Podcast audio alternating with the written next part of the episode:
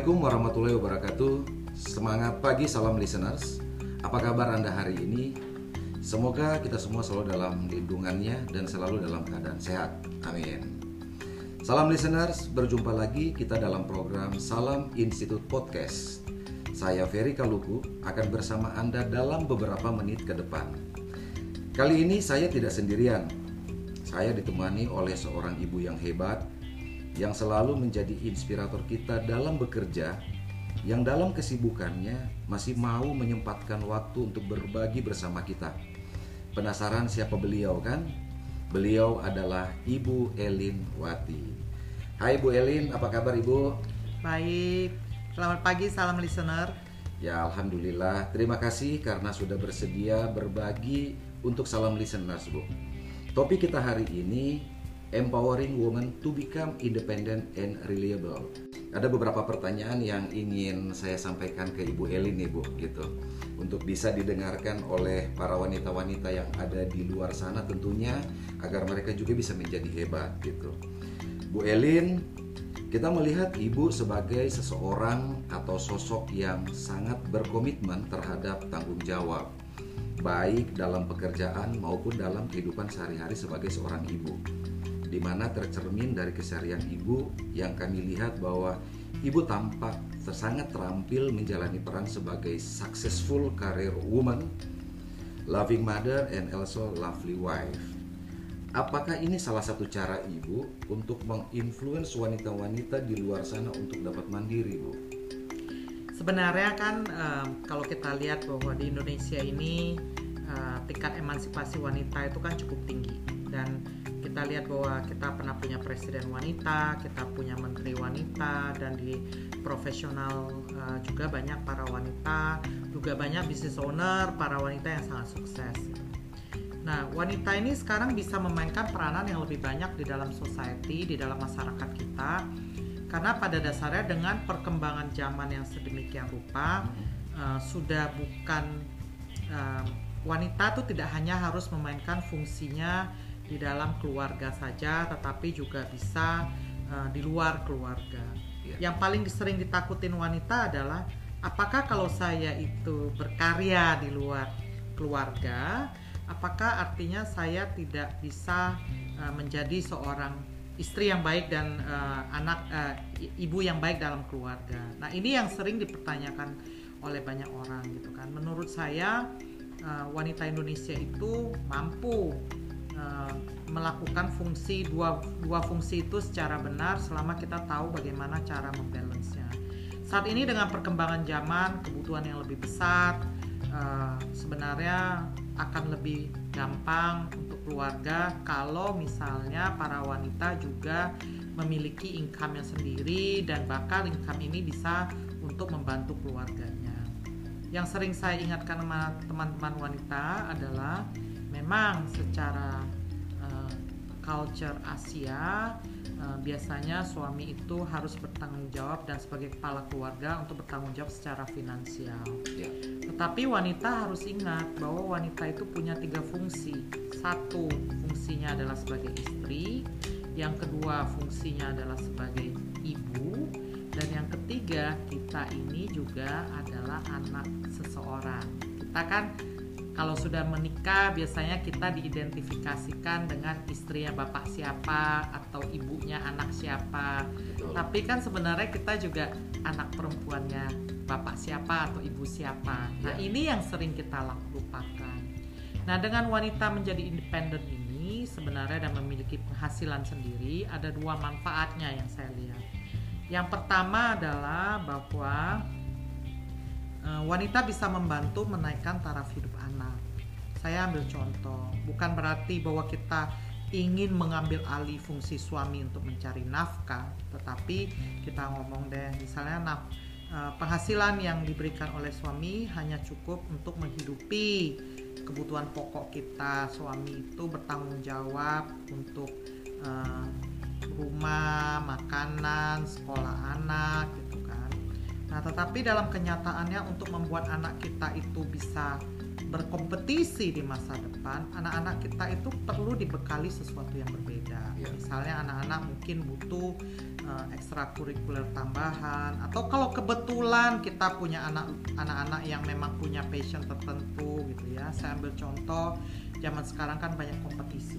Ya. Kompetisi matematika kah, kompetisi menari kah, kompetisi uh, menyanyi kah, olimpiade fisika kah itu kan. Nah, uh, kalau kita punya anak yang punya kelebihan seperti itu uh, dan kita bisa mendukung mereka sebagai seorang ibu, saya yakin kita akan lebih bahagia. Saya ambil contoh deh, misalnya anak kita dipilih untuk mewakili sekolahnya ikut kompetisi ke Singapura atau ikut olimpiade kompetisi ke Amerika itu kan semua butuh dan di situlah kita sebagai wanita yang berpenghasilan bisa membantu anak kita untuk menaikkan kompetisinya kompetensinya mereka dengan mengatakan bahwa pergilah ini mama ada uang bisa mensupport kamu gitu kan. Jadi itulah fungsinya kenapa seorang wanita mesti memiliki penghasilan.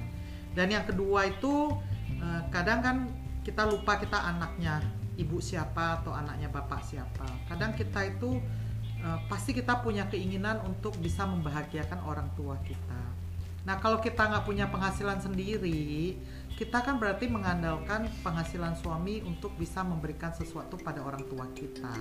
Dan tipikal wanita Indonesia biasanya mereka sungkan untuk minta suami bilang saya mau beliin bapak saya ini minta duit dong kita biasanya sungkan. Tapi kalau kita punya penghasilan sendiri kan ya saya mau bawa orang tua saya umroh itu uang saya sendiri. Saya mau beliin baju buat orang tua saya itu orang uang saya sendiri. Jadi kita juga bisa membahagiakan orang tua kita uh, dengan lebih baik.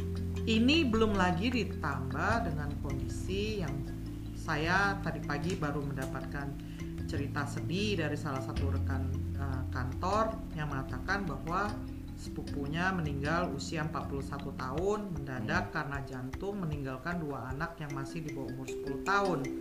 Pertanyaan pertama saya adalah uh, istrinya kerja apa enggak? Jawabannya tidak. Pertanyaan saya berikutnya adalah Nah, terus kalau istrinya nggak kerja, bagaimana dia akan menghidupi anak-anaknya sesudah suaminya nggak ada?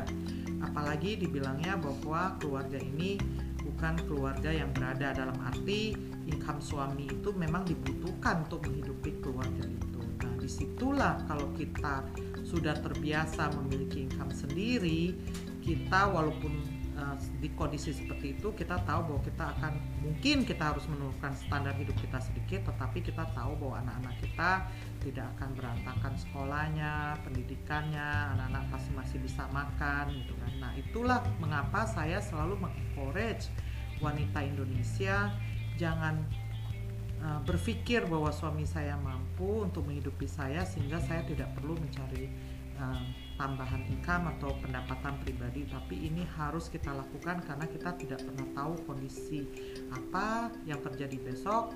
Kalaupun tidak terjadi apa-apa ya setidaknya kita punya pendapatan income untuk membahagiakan orang tua kita ataupun bisa kita pakai untuk menaikkan kompetensi anak kita di masa uh, yang sangat kompetitif seperti saat ini Ya, wah luar biasa Bu. Jadi Ibu Elin kembali mengingatkan bahwa eh, seorang wanita itu pada waktunya atau mungkin sekarang salam listeners itu ada yang sudah menjadi seorang istri, menjadi ibu dari eh, anak-anaknya dan kemudian yang tidak boleh dilupakan bahwa walau bagaimanapun seorang wanita adalah anak dari seseorang. Kan gitu ya Bu ya. Iya. Nah, yang tentunya juga menjadi penting untuk para wanita harus mandiri dan dapat diandalkan, terutama dari sisi finansial karena Ibu sampaikan tadi ada dua manfaat yang paling besar yang bisa diperoleh ketika uh, para wanita itu berpenghasilan atau bisa mandiri gitu ya, Bu.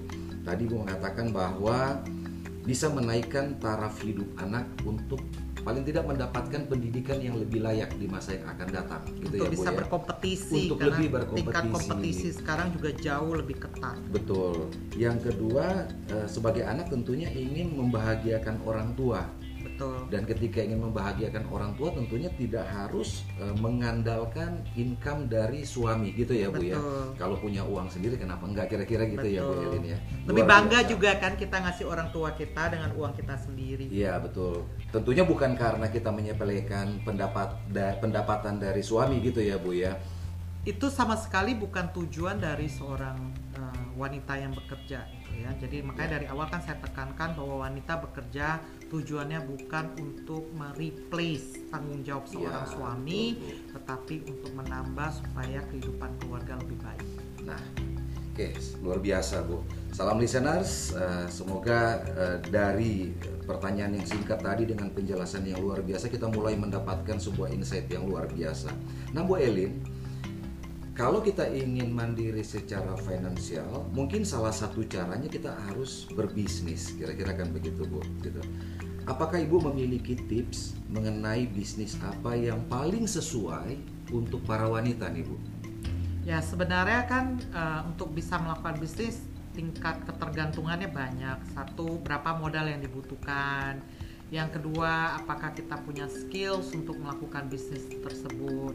Dan yang ketiga yang saya ingin ingatkan ibu-ibu ya kita ini masih ibu. Jadi tanggung jawab utama kita masih anak kita.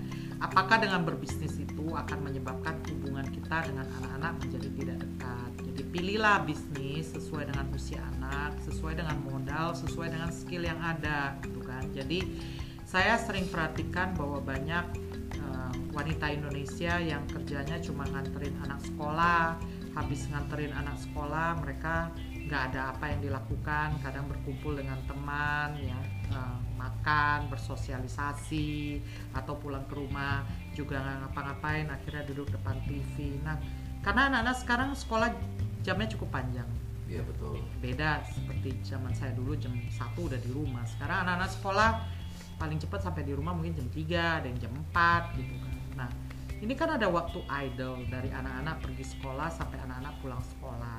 Kenapa sih nggak dimanfaatkan secara uh, maksimal gitu kan? Jadi apakah kalau ibu-ibu punya skill untuk uh, berbisnis secara online ya bisa berbisnis secara online. Ya. kalau bisa punya modal ingin buka toko ya buka toko.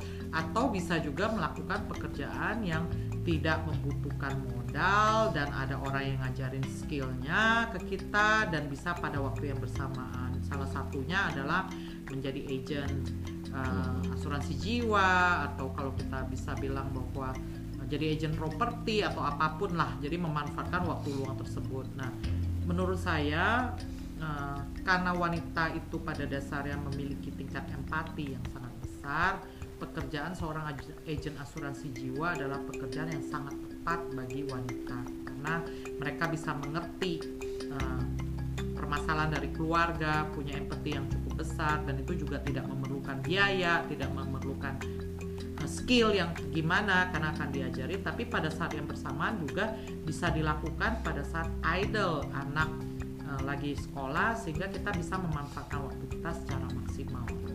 Jadi yang paling penting berarti mungkin selain karena modal, keterampilan, mungkin bisa dioptimalkan waktu ya Bu ya. Betul. Waktu ya. Jadi agen asuransi ternyata masih masih sangat bisa diandalkan untuk membuat para wanita bisa menjadi mandiri.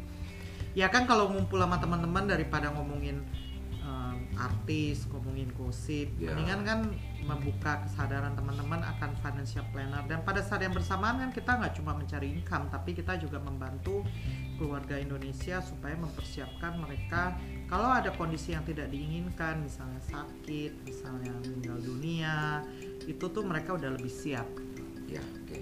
Luar biasa. Bu Elin, eh, mungkin ini pertanyaan terakhir.